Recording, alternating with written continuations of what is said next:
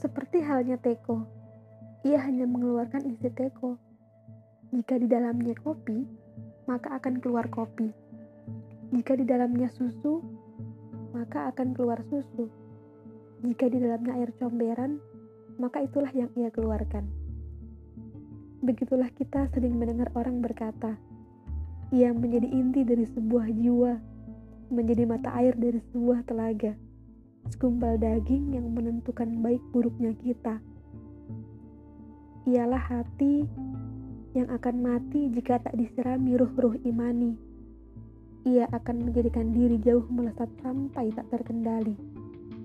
Iri, dengki, caci maki sudah tak asing lagi itulah jiwa-jiwa yang sangat amat merugi.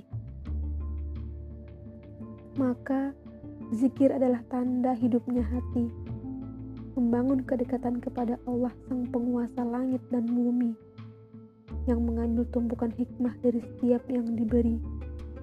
Kemudian ia akan memancarkannya pada perilaku terpuji. Karena perilaku kita adalah cerminan hidup matinya hati.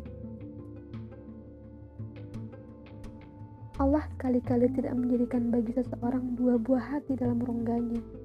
Itulah yang Allah kabarkan dalam firman-Nya.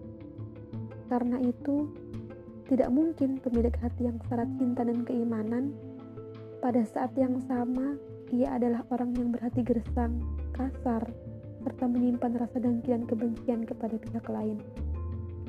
Karena perilaku kita adalah cerminan hati, karena keindahan adalah bahasa hati, Lalu, bagaimana kabar engkau, wahai hati? thank you